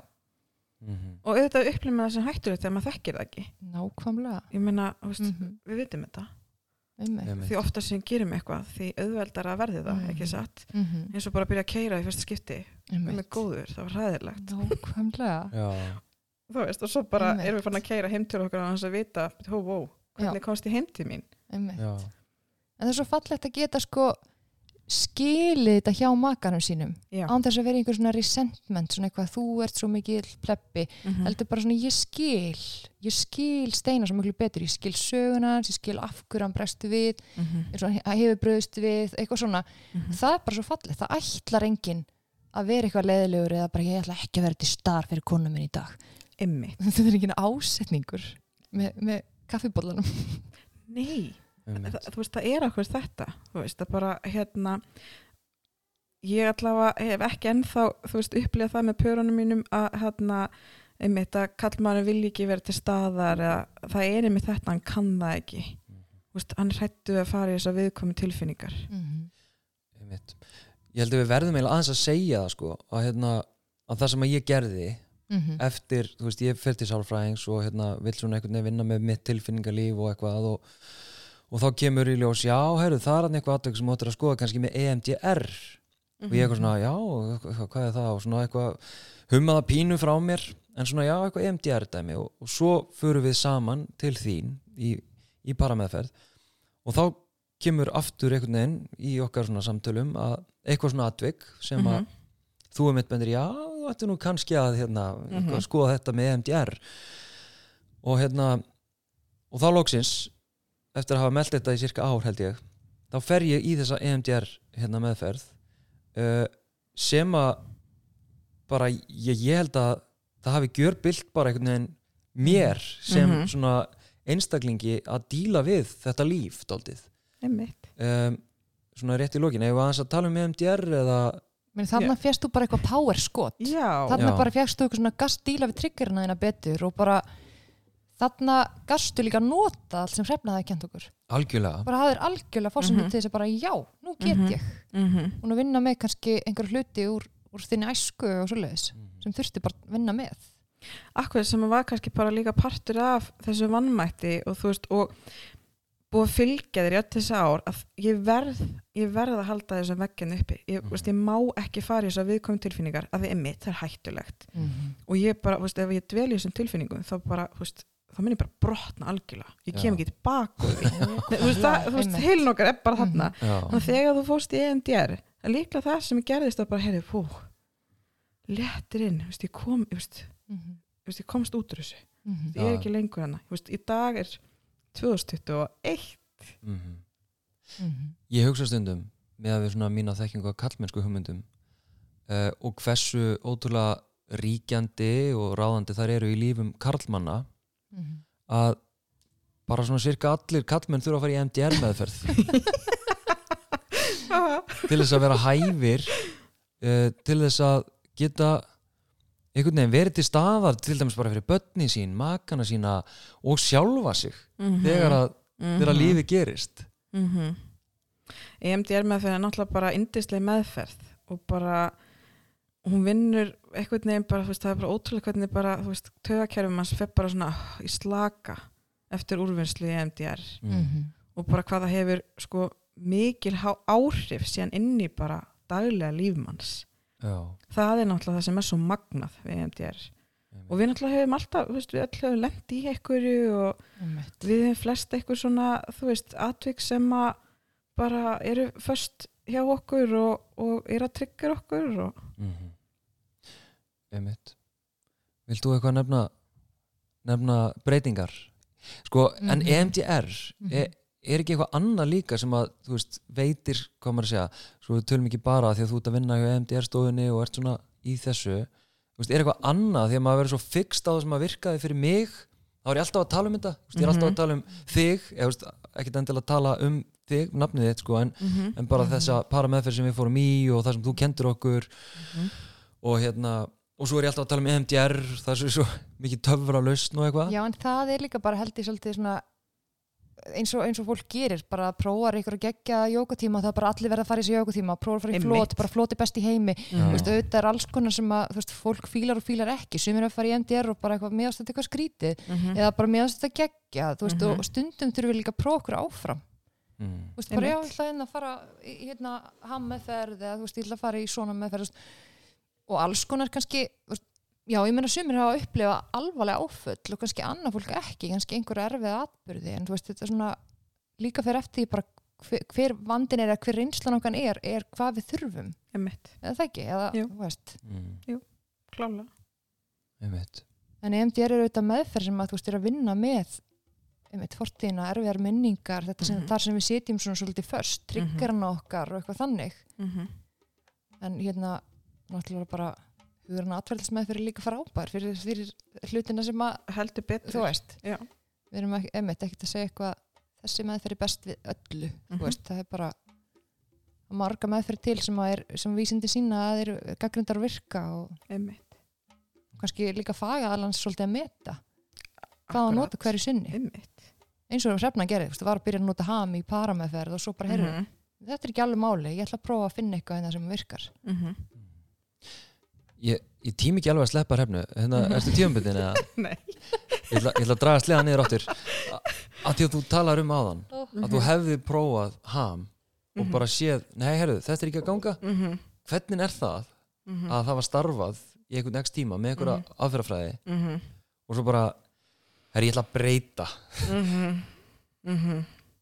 Akkurat, ég meina það var náttúrulega bara sko ég náttúrulega hugsa bara um pörin mín Já. skiljur, sem að komi til mín bara takk fyrir veist að Mhm. þau gáfi mér svo dýrmæta reynslu hérna, en ég vona líka þau hafa fengið aðstof eitthvað stær annar staðar Af því að- meðferðin var ekki að sí, veist, þetta, það, svo meðferð hún var svo mikið problem solving og svona að kenna ákveðna samskiptafærni Mhm. og svona og svona sko EFT meðferðin emotionally focused Mhm. við erum að fókusera, við erum að einblýna á tilfinningarnar Mhm. og ég meina eins og vitið, þú veist, bara para með fyrir rosa intensív meðferð Mhm. svo við erum bara, þú veist, ég er hann með ykkur og við, þú veist, þið finnir bara tilfinningarna inn í herbygginu, bara gjössanlega hún eins og ég var alltaf bara með illt í manum í vittulum sorry, Já, ég var bara já, nei, ég veit, þú veist, eðlilega, Já. skiljanlega þú veist, þetta er bara rosa þú veist, en, en við þurfum einmitt að gera það og, og þið fundur líklega einmitt, bara, einmitt, eins og ég var að segja varandi bara að nefna tilfinningarnir ykkur og ég svona Mhm. Aðstóð ykkur við að koma frá ykkur hvernig ykkur leið og hvað það voru að meina Mhm. skilju, hvað það voru að segja Mhm. og bara að setja orða á þetta að það var svona, Mhm. þú veist, bara, var svona bara slökun, Einmitt. þú veist, það var bara svona, ok. Einmitt, ég, þú veist, einmitt. Þú segir þetta þá svona mani að því að það var oft hannig að vorum eitthvað að ræða og huldaði svona kannski meira að, að varpa ljósi á okkar samband og svona í tímanum hjá þér. Mm og þú svona já, já, einmitt. Og, og þú veist, ótrúlega blíð einhvern veginn og svona og svo svona snýrur ofta mér og svona spurðir mig ógæslega einlægt og ógæslega fallegt en þannig að ég var einhvern veginn uppi vegg og bara ég veit ekki hvernig ég á að svara þessar spurningu. Ég bara get ekki svarað þessar spurningu. Veist, þetta er svo hérna óþægilegt. Já, þetta er svo óþæll og það er í lægi, það var í lægi að þú svaraði með þannig. Og síðan, eins og kannski mannst, þá voru við að að hjálpast að við það. Já, þið sálfræðingarnir Já, þú veist að að, hjálpa mér Nei, ok, já, einmitt, algjörlega þú veist, við vorum saman, Já. saman vorum við að hjálpast að til þess að skilja hvað var að gerast hjá þér algjörlega, og, Mhm. og hérna, þú veist, að finna orð á hlutina og, Mhm. einmitt en akkur, þú veist, þannig að sko, Hami var og svona, hún var á praktisk, skiljiði. Mhm. þú veist, svona problem solving Mhm. sem að hendaði vantalega einhverjum köllum vel eða hvað ég meina, margt bara sem var náttúrulega gott aðna, en þetta var ekki meðferð sem að var að skila, þú veist, við erum, við erum að tala um hérna, sérst, geðtengst við erum að vinna með geðtengslin Mhm. það er þetta inn í þessum tilfinningum og samtalinu og þú veist ekki að tala um mentalótið eða uppeldi badnana, Mhm. heldur, þú veist, samskiptin ykkar og Já. svo auðvitað er raunir alveg hægt að setja EFT svo sem inn í hambúning, skilur Mhm. þú veist, við erum að tala um tilfinningar, við erum að tala um hegðun, við erum að tala um aðstæður, þú veist. já, En það hvernig hafmeðfinn var uppbyggð, hún var ekki að virka. ok, og hvernig fattar það? voru bara pörinn að skilja og þú bara eða hvað, hvernig fattar Sorry já, sorry, ég klúraði aðeins hérna Þessi það var að beðast afsökur hérna. Ég held að allir sálfræðingar sem tengi við að þú veist, þegar þið voru að byrja það voru kannski ekki bestu sálfræðingar í heimi Nei, ég meina, þú veist, Mhm. en það ég bara, ég er náttúrulega ótrúlega þakklátt og ég bara, þú veist, eins og ég sagði því í byrjun, þú veist, ég er búin að læra, þú veist, þetta, þetta er það sem gerir starfið mér svo geggjað. mm. þú veist, ég er búin að læra svo ótrúlega mikið af pörunum mínum og þú veist, og þau gef, og þú veist, para meðferð þú veist, þessi viðtöl, þau gefa mér svo mikið mér er svo magna þegar ég er með pörun og um daginn var ég með par hjá mér og allt í hennu bara, þú veist, myndaðist þetta augnablík, þú veist, hann bara fattaði þetta hann bara Mm. skildi þetta og þú veist, ég er bara eitthvað svona hú, og hann og hann, og hann lítur á konuna sína og bara að sjá hann horfa á hana Mm. og hún lítur tilbaka og verður smá feimin og bara, þú veist, maður sé bara hvað hún er spennt, Mm. þú veist, og bara þetta augnablík með þeim, þú veist, þetta var bara, sorry, fyrir mig var þetta bara mind-blowing Mm. moment, Oh. veist, þannig að, Vá. þannig að, þú veist, já, þarna með hamið, þú veist, að hérna, ég fann alltaf bara, ég var ekki að eiga þessi augnablík Mm. með Mm. pörun, ég var að sjá samskiptum voru ekkert að lagast, parinu Mm. var ekkert að líða betur. Mm. ég var ekkert að ná að aðstöðu með ágreiningin sinn. Vist, ég var Mhm. bara sjálf hann bara eitthvað fyrir ekki, fokk Já, einmitt. En hljóma líka að þetta hafi verið svona yfirbors versus svona jarðítu dæmi já, Þú veist, einhvern veginn í tökjörn í gamla heilanum Þú veist, í gamla hluta heilans. Já, akkurat. Svona fróðan einhvern veginn. Mhm, Já. mhm. og svo fór ég yfir í Gottmann. Já, og Gottmann gaf mér alveg svo litið já. En ég fann ekki nóg. Ah, ok. Mhm. þannig ég var líka með pörin mín í Gottmann meðferð. Ah, og síðan þú veist, og ég meina Gottmann er frábær skilur, hann er með ótrúlega marga góða praktíska hluti mm. þú veist, og gekk miklu betur að að fara í Gottmann ok. Mhm. en síðan finn ég FT og þá, þá gerast hlutinir og þá sá ég bara, þú veist, þetta var bara þetta var svo allt annað. Ok þannig að þú átt kannski eftir að finna eitthvað enn annað Nei. Nei, er- bara, Nei, en þú sannfærð. þú sérð árangurinn líka. Það bara, líka bara heldur betur. málið. og þetta er bara, nú veit ég skilur þú, ok. Búin að læra það. Mhm. Þú veist, þetta er meðfinn sem sýnir bestan árangur Mhm. samkvæmt niðurstöðun rannsókna. Mhm. og sko það er ekki íslenska rannsóknir en kanadísk síndi 75% árangur og helst minnir eftir þrjú ár. Mhm. Svo en mér finnst það magnaður árangur. Við erum talað Nákvæmlega. 75% einmitt. og minnir Vá. að hafi verið 83% eitthvað sem að svona bara, þú veist, góður árangur. Mhm. Vá. Ég ætti kannski að læra tengt tíman Já, að prófa að vinna á það. En Er ertu líka með þú ert að sinna mæðurum líka og, og feðrum. Já, ertu líka að vinna þá með einstaklismæðferð Já. já, ok, Já. blandar svona. Já, ég gerir það líka. Og þá náttúrulega vinn ég rosa mikið með EMDR Einmitt. og hann auðvitað líka HAM. Mhm. og svo er ég líka mjög hrifin af CFT Já. Compassion Focus Therapy. Mhm. hvað, ég veit þið eru bara upp ykkur að skamstaða hvað er að tala sem um? er samkendar miðuð meðferð. Sem að byggist í grunninn líka á hugrætni atvælis meðferð Já, eftir Paul Gilbert. Og það er líka aftur eitthvað sem að ég bara læriði með maðurónum mínum þú veist, ég bara, ég, þú veist, bara ég, maður læri bara, þú veist, af skjólstæðingunum sinni, þið bara kenna, þú veist, þið, ken, þið kennið mér, skilur já, og, hana, og þannig fann ég bara, ok, CFT hendar, þú veist, rosalega vel. Mhm. en um, parasambandið er mjög mikið að breyta til þess að venda mæður Mhm. og feður fyrir fæðingaþunglindi Vá, einmitt. Þú veist, og við vitum líka að ef að til dæmis uh, hérna par er í örugum tengslum og mæð, móðir er með fæðingaþunglindi Mhm. þá hefur það ekki áhrif yfir geðtengsl við barn af því að fæðingaþunglindi getur haft áhrif á Mhm. tengslamyndu við barn Mhm. en gerir það ekki ef að par er í örugum geðtengslum Vendandi þáttur. þetta er bara vendandi þáttur, veist, þetta er bara Vá. magnað. Veist, þetta er, við erum að tala um þetta grunninn okkar geðtengst er eitthvað jafn mikilvæg og andað okkur súrefni. Þetta er bara þannig. Mhm. við erum bara Vá. spendýr sem erum hönnið í þetta. Mhm. og svona erum við búin að surviva. Ó, Þetta er svo fallegt. Mm. og við náttúrulega bara já, ég held að sést bara uppáhaldsmanneskjan okkar sko já, og takk fyrir og þið náttúrulega er líka bara uppáhaldið mitt og þið náttúrulega líka er búin að kenna mér svo mikið og gefa mér svo ótrúlega mikið. Vá. Við að vera bara rífast yfir hafragrutnum já, og ég, ég elska það samt. Ég man alltaf eftir Hafragrauturinn. Heyrðu, já, herðu er komið að hafragrautnum þegar ef, ef að fara í hann aðeins? Já, Ef þú vilt tala um veist, þetta, er, þetta er gott dæmi um það að um, sko, viðfársefnið er ekki það sem skiptir máli. Nei, þið voru náttúrulega bara ekkert að tala um hennar hafragröð Nei, við vorum að tala um hann hafragraut. Steini er svolítið servitur mm ég bara seg, segi það alveg. samþykir þú það bara? Hún veit nóg til að geta samþýtt það er að halda þessar árásir áfram hérna. ekki, ekki að meira, meina það á einhvern slæmanhátt það er bara svolítið fyndi og krútlegt en hann vil hafa hafragrautin svona ákveðin hátt. Ég hef sem sagt komist að henni fullkomnu uppskrift að hafragraut. Uh, við erum komin hérna 1 klukkutíma og 23 minnir inn í þáttinn. Uh, þá kemur leinu uppskrift að hafragrauti sem að ég hef reynd með misjöfnum árangra að kenna huldu og ég vil bara slumpa. Ég vil bara nassa og, og slumpa og hella vatni og höfrum og salti í pott og ég vil helst bara geta farið í sturtu síðan og svo er hann bara tilbúin eftir smá. Já, nei hulda mín uh, til þess að gera hafragraut þá mæli maður þá setur maður uh, með ákveðnum bott já, við þurfum að nota réttan bolla.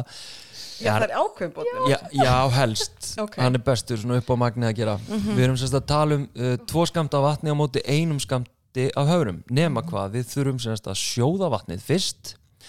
Uh, þegar suðan er komin upp í vatninu að þá hérna lækkum við alveg næstuði niður í einn oh my god. og, og hellum síðan á mótnana síðan hellum við höfrunum út í og hrærum aðeins þannig að þetta fari ekki kekki. Söltum mögulega smá olíu eða eitthvað svona, eitthvað svona feitt til þess að svona, þetta límist ekki allt saman. Og svo bara leiðu þess að standa og þá verður grauturinn svona djúsi og hafrarnir svona draga vatnið í sig og hann verður ekki slepjulegur heldur bara, hann verður geggjaður. Og svo þurfum við að skera eplin líka og gott að gera ákveðinn ákveðin hátt. og það þarf En ekki að fylgja hérna- mynd á Instagram með því hvernig Já. þú skerð eplið. Já, hérna, þau sem að þóla að hérna, hlusta á okkur svona lengi þau, þau fá þessa uppskrift kannski senda til sín. Sko, einmitt, ég elska nefnilega hafragraut og þess vegna man ég alltaf eftir þessu. Já, já, ég man í alvörin ekki hvað þetta snýrst um sko. Ég held þetta um að einu Hulda sinni- slumpaði já, ég gerði hafragrut Ok, Já. þetta var eitthvað moment þetta var svona, já já, nú ger ég þetta. Og Steini var vanur að gera hafragrutinu og svona og þú settir út á hafragrutin og það gerði nú útslæðið maðurinn sem var ekki að sinna þvottinum og reyksugunni Já. og þá var ég bara ertu að grínast? Ég Mhm. gerði ófullkomin hafragraut. Mm so, sorry, fucking what?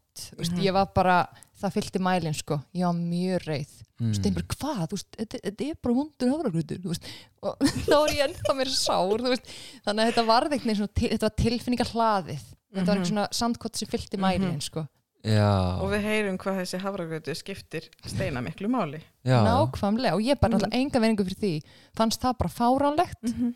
En svona kannski gott merkjum það, hvert við erum komin í dag við gerum bæði hafragraut. Já, hún semst lærði uppskriftina. Aha. Hún semst fór að fylgja leiðbyrningum nei, þú getur ekki, þú veist, þú verður að passa það núna. Ok, sorry.